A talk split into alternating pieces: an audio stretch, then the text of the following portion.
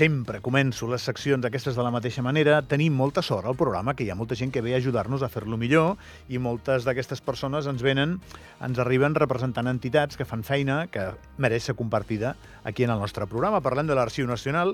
Avui ens acompanya la Júlia Fernández. Júlia, bon dia. Bon dia. Gràcies per venir. Moltes gràcies per convidar-nos. I com que aquest programa es fa per la ràdio, però també es fa per la tele, jo us ensenyo, els que m'estigueu veient per la tele, això que tinc a la mà, que és molt xulo, suposo que per la tele es deu veure, no? Com que hi ha delay, no t'ho puc assegurar, Júlia, ara en teoria Sí que se'n veurà davant d'una càmera... Ahí estamos. Eh, ensenyant això, que és exactament del que estem a punt de parlar. Uh, això és una publicació antiga, realment antiga. Uh, a la part uh, de la capçalera de la publicació, en la seva portada, puc llegir Le capitali del mundo, Andorra, Andorra la Vieja. Um, a la fotografia que, que presideix doncs, el 70% de la portada, es veu un retaule, d'acord? Sí, Andorra Sant la Vieja, l'antiga capella de San Cristoforo nella chiesa homònima, perquè això està Exacte. escrit en, en italià, gloriosa casa editrice Italia, italiana Milano. Em pots explicar, si us plau, Júlia, què, què tinc a la mà? T'explico. A més, eh, ho haurem d'explicar bé perquè, com, ho- com deies tu, doncs és complicat que, que, el que la gent que ens escolta no ho veu i llavors seria més fàcil si ho poguessin veure alhora. Bueno, és- Però, és una publicació, és una revista, explicar. no? I tant. És un fascicle d'una... Bueno, és una col·lecció de... italiana de l'any 1925, una col·lecció que van sortir 79 fascicles i dedicada a les capitals del món. I el número 56, curiosament, estava dedicat doncs, a la nostra capital, Andorra la Vieja, que és com ells l'anomenen. No la vecchia. No, no, no la vecchia, no. És curiós. Han intentat eh, mantenir el llenguatge original, l'idioma original, a totes les capitals, de fet, i bueno, no sé per què la nostra ha sortit en castellà. La van castellanitzar. Sí. No, no dic no la vecchia, perquè no és italià, no la vella, que és Exacte. com la diem nosaltres. Exacte, o sigui, ha- han adaptat una mica segons els gustos de la persona que ho va escriure. Llavors, eh, amb aquesta publicació, per nosaltres hi han com tres, tres grups d'interès, no? tres, tres informacions que podríem diferenciar que són interessants. D'una banda, eh, tenim el que és la casa editorial, d'altra banda, la impressora, bueno, la casa, la casa d'impressió, i d'altra banda, doncs, el contingut pròpiament. Mhm. Vale? Eh, són dades molt curioses. Vale? La Gloriosa, la casa editrice italiana de Milano, que és aquesta que has, que has llegit tu abans, eh, és una editorial que es va inaugurar l'any 1918 per un senyor que es deia Antonino Vitagliano, que va ser un gran apassionat del teatre i del cinema, i per això doncs, va fer aquesta casa editorial. Ell va començar doncs, editant publicacions d'aquesta índole, d'aquesta matèria, eh, la cosa va anar fatal, i el 1921 doncs, va haver de vendre la seva, la seva editorial. Eh, però ell seguia una mica entestat en, en tot el tema doncs, de la impressió i posteriorment seria, bueno, de l'edició, en aquest cas. Eh, va continuar editant materials de teatre i cinema, que eren les seves grans passions, però llavors va començar a incorporar el que eren autors clàssics, que llavors és quan la seva editorial va començar... créixer. Eh, exacte, va començar saps- a tirar endavant. Eh, Així per fer un petit preàmbul, sa- saps Sí. el que més m'interessa d'aquest tresor que avui tinc a la mà? Sí. Jo no tinc l'original, evidentment, el tinc imprès a color, El tenim guardat. que ja està prou, prou xulo, Sí. és el fet que per nosaltres, pels que, bé, vam néixer a la segona meitat del segle XX, no ens resulta senzill eh, explicar-nos, epidèrmicament, com ens percebien des de fora al país. Uh. -huh. Llavors, sí que és veritat que hi ha com una consciència que, que sí, que Andorra no és ni Espanya ni França, que ho sabem, que, que ho tenim clar, però fins que no va arribar la Constitució no ens van homologar internacionalment. Llavors, com ens veien? Fins als 70 no vam competir als Jocs Olímpics, per exemple. Eh? Uh. -huh. Vull dir, hi ha una sèrie de passos que ens van anar eh, posant en la categoria de país i després d'estat, no? I en canvi aquí sí que ens consideren una de les capitals del món, Uh -huh. o sigui que ja hi érem. Eh, si tu miraves i buscaves, estàvem. I tant, i tant. A I això va, em permetràs que, em- que, em- Sí. que, em, bueno, que em cridi l'atenció. Sí, sí, i tant. De fet, eh, bueno, a la publicació conté nombrosíssimes fotografies paisatgístiques, doncs, els monuments, etc i un text explicatiu sobre Andorra, molt curiós eh, perquè realment no, no queda clar si aquesta persona que va escriure el text doncs, havia vingut aquí a Andorra o realment ho va fer a través de les fotografies o li van explicar. Però en tot cas Però ens bueno. van incorporar al catàleg. O i tant, o i tant, vam ser. A més, el número 56 de, de les 79, o sigui, tampoc estem de les últimes. Sí, de em, les em últimes deixes llegir les, capitals. les Oh, altres? tant. És que té molta gràcia, això. París, Viena, Sofia, Montecarlo, Praga, Cairo, Trípoli, Berna, Tunísia... Tunísia és el país Tunis. Tunis és, el, Tunis. és la capital de Tunísia. Londres, Bucarest, Helsingfors, Helsinki deu ser, Helsinki, sí, no? ho Helsinki, feien. Bangkok, Varsòvia, Berlí, Asmara. Asmara d'on és? Asmara... La 16 és Asmara. Ara m'estàs matant. Ostres, Ah, doncs ara m'has matat Deu ser un també. país que ja no existeix, potser. Santo Domingo, eh, Fes... Fes era la capital del Marroc en aquella època. Sí. És, és curiós, Sí, eh? perquè hi ha algunes que curiosament han canviat. Han canviat. Probablement Asmara, ara hauré de buscar on està Asmara, ara buscaré. Ah, sí, Mentre no, xerres si no, no buscaré. dormim. Mogadiscio, Belgrat, Benghazi, Jerusalem... Jerusalem no és capital, ara. No. I en aquella època eh, es menciona la capital d'un estat que no existia. Eh, Molt curiós exacte. això, eh, el catàleg de ciutats. Bueno, ja està. N'he llegit unes quantes. Deixa'm buscar on està Asmara. I, Eh. i em segueixes explicant tu, va. Vinga, va. Doncs el, el, bueno, ens estava explicant el que era la, la casa editorial, eh, la casa... Bueno, de, Eritrea. Edi, no, Asmara és editorial- Eritrea. Ah, amigo. Sí, Veus? perdona, eh? No, no, no, n'anirem a dormir mai sense saber una cosa Això nova. mateix.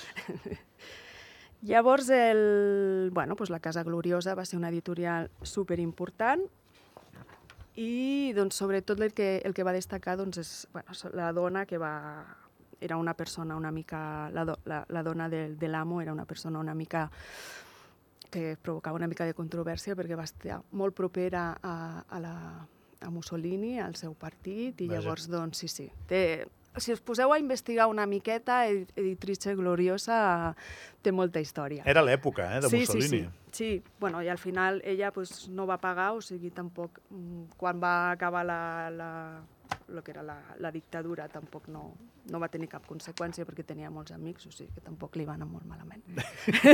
O sigui, que va, va, va tenir lo bo i no va tenir lo dolent. Eh, exacte. que Va a Mussolini aprofitar... al final el van penjar com un pernil, eh? Eh, exacte. Ella va saber aprofitar, tenia una visió editorial fantàstica i va saber aprofitar els dos moments. I diplomàtica. Oh, i tant. Molt bé. Què, què més? Què més em volies dir?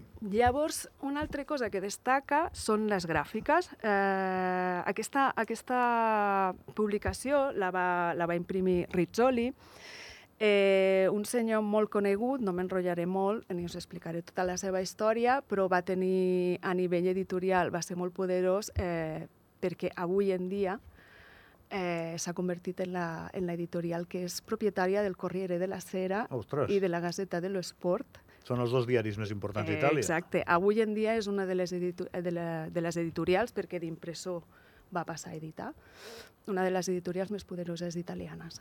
Fins i tot eh, també tenen una part molt important de, de, de la propietat de que- de l'editora de, del Mundo.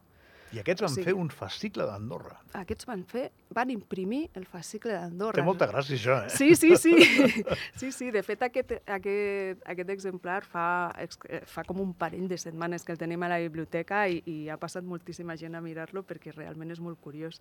Andorra è da oltre dieci secoli una piccola repubblica neutra ed autonoma sotto la sovranità della Francia e del vescovo di Urgell dipendente della Spagna. Eh, exacte. Així comença el text. El text, sí, comença una mica amb, amb, bueno, amb, la, amb les típiques històries sobre la nostra, la nostra administració. Però nosaltres no som una república. No, no som una Un república, coprincipato som. amb, aquest, amb aquesta època ens deien de tot. La república d'Andorra, la- l'Andorra, de tot. Teníem de tot. Pel que dèiem, Júlia, que era una mica més indefinit tot plegat, no? I tant, i tant, políticament una mica més indefinit. Eh, una cosa curiosa que té aquesta, bueno, el text que és explicatiu, a part de que ens explica evidentment una mica el funcionament polític i cultural, etc., doncs és les comparacions que fa, que és, bueno, les comparacions inevitables d'una banda amb San Marino, no? perquè en aquella època doncs, devia, m'imagino que ara, ara, ara mateix no ho sabria, o sigui, no sabria dir-te si té més, més visitants que nosaltres o si té una importància major que nosaltres, espero que no, No i suposo que ni, no, ni de lluny tan turístic com Andorra, eh? doncs ja està. Ens compara una miqueta amb San Marino. Eh, Està al costat d'un nucli turístic molt important, San Marino, que és Rimini, Clar. Uh -huh. però no és tan turístic com Andorra. Pues això. En aquest moment es veu que la seva capital, San Marino, era molt més coneguda que Andorra, i aquesta és una de les crítiques que ens fa. Home, Itàlia segur. sí, clar, i, evidentment. I després també doncs, la, la, la, una altra comparativa que tampoc podem evitar mai és la comparativa amb Mònaco, no? perquè aquesta sempre la, la fem o la fan, i bueno, doncs Mònaco en aquella època doncs, potser se'm sembla una mica més a lo que ha estat avui en dia, ja tenia el casino, de fet es volien desfer del casino. Ah, sí? Eh, en aquella època. Els apretaven els francesos, no? M'imagino que sí, i llavors eh, volien que, que ho tinguéssim aquí a Andorra i aprofiten aquest, aquest aquest fet per, per explicar-nos una mica la nova reforma que és un, el fet històric que ells trien per, per acabar aquest text, perquè de fet el que és molt destacat amb aquesta publicació són les imatges. Sí, són molt xules. La primera sí. imatge en aquesta introducció que us he llegit fa un momentet és el pont de la Margineda i és una foto preciosa, eh? eh exacte. Una foto panoràmica molt ben enganxada d'un pont de la Margineda que no busqueu res a la vora, que no hi ha res. Eh, exacte, és no molt res, diferent. Només hi ha arbres i vegetació. Eh, exacte. La curiositat d'aquesta bueno, publicació és que, evidentment, doncs, eh, jo sóc de la Biblioteca Nacional i les fotografies les guarden a l'Arxiu Nacional, o sigui que si li demanéssim a l'Isidre, ell segur que les identificaria rapidíssimament, però en el meu cas no va ser així, i vaig acabar descobrint que aquesta, la major part de les imatges que havien utilitzat eren del Guillem d'Areny, ai, del Guillem de Plandolit, uh -huh. un fons que custodia l'arxiu, i bueno, doncs aquestes fotografies, aquestes fotografies que estan impreses aquí doncs les podem consultar també a l'Arxiu Nacional sense problema. Però com, com es fa això? Mira, qui ens escolta, si ara té una tarda eh, arqueològica, bueno, arqueològica no, de curiositat històrica, simplement, eh? Sí. Si jo vaig allà, em deixaran veure les fotos a l'arxiu? O, o em fan pagar? O com eh, va això? Deixaran veure una, una còpia de, de, Però jo tinc dret, com a Andorrà, a veure la foto. Home, i tant, la informació, tu tens dret a veure-la sempre. Però jo crec que la gent això no ho sap, eh? No? Jo crec que no. no. A més a més, ara, quan ho pugueu veure, suposo que entre avui i demà doncs, ja, es podrà, ja es podrà llegir a la, a la web. Eh, ho farem amb, amb els... Tot i que aquí no surten, ho farem amb, el, amb les dades exactes que l'Arxiu Nacional tenen per catalogar aquestes fotografies, així Ah. que si voleu veure alguna concretament, doncs podeu anar més directes. Ja, ja us he parlat de la del Pont de la Margineda, la segona és de d'Escaldes en Gordany. Eh, exacte. Eh, jo crec que és al centre, eh? O sigui, tal com me l'estic mirant des d'aquí, més o menys la imatge... Tinc la xuleta, tinc la sí, xuleta. jo, jo, és la pàgina 4, Júlia. Sí. Jo crec que la imatge deu estar feta des d'on està la plaça del Roc Blanc una miqueta més amunt. És, sí, Eh és, que sí? està feta per l'entrada del poble, Sí. vista des del nord cap al sud, i bueno, es veu l'hotel Muntanya aquí, després aquí el pont, el pont d'Engordany, i també doncs, veiem bueno, dues senyores passejant, un carruatge i, i bueno, la, la carretera, tot i ser el 1925, m'imagino que la imatge és de principis dels 20, Hi ha unes imatges d'Ordino, encara també. està prou... Sí, També veig aquí el, uh, bueno, una fàbrica de tabac. exacte, la tabacalera. La tabacalera andorrana. Després hi ha el pont aquest, com es diu aquest pont, que ara quedaré fatal? El pont quan vas pel camí eh, cap a la Massana, que vas a peu, que està molt xulo. Sant Antoni. A Sant Antoni, ai, perdó, perdó, perdó. No, no I. I a- aquí sí que jo crec que, mira, aquesta imatge s'assemblaria una miqueta a la que, A que tindríem, tenim avui, a la que sí. tindríem avui. No? El, el camí està molt més recollidet, tenim una barana per no Mhm. anar a espetegar el riu, però el pont està més o menys com estava, eh, el Eh. 1926. Sí, el pont, i també veiem la capella al fons. Sí. Sí, sí, és un I- paisatge més semblant. La Casa de la Vall, que és molt bo perquè posa Andorra, la Casa de la Vall, especie de refugio montano en Andorra la Vieja. Sí. Hombre, an- eh, y el Parlamento también. I el Parlamento també. De fet, aquesta foto és, és molt curiosa perquè no forma part del fons del Guillem Plandolit, és l'única que hem trobat que forma part del fons de Casa Rossell. O sigui que aquí, si investiguéssim una mica més, potser, potser podríem esbrinar alguna relació entre les dues cases pel que fa amb aquesta, amb aquesta afició fotogràfica que tenien. Hi ha un panorama d'escaldes xulíssim. Clar, això, l'original, tampoc deu ser molt diferent, no? Jo ho tinc aquí imprès en blanc i negre. L'original... Bueno, aquí és, és, és aquesta impressió en color sèpia que... Sí, sí, però us veu força bé, eh? Sí, però sí, l'Arxiu Nacional està en blanc i negre amb, amb molta més qualitat i A realment... mi em continua cridant molt l'atenció que tu facis un catàleg de, de ciutats del món, Sí. o de capitals del món, i que vinguis a, a dedicar-li una Andorra, clar, com a extravagància, és molt exhaustiu per part del que fa el catàleg, no, No, Júlia? no, la veritat és que de sí. dir, mira, jo em marco el tanto de posar una que no t'esperes, que és Andorra, i potser el, el consumidor italià que, que rebia aquests fascicles, que es, igual es lliuraven amb un diari, no?, o què? No, o, en o es compraven no. per separat? Es compraven per separat. Doncs clar, devia Sí, dir, sí. és una extravagància, això. On està això? Pues com com hi vas sí. a parar, Andorra, no?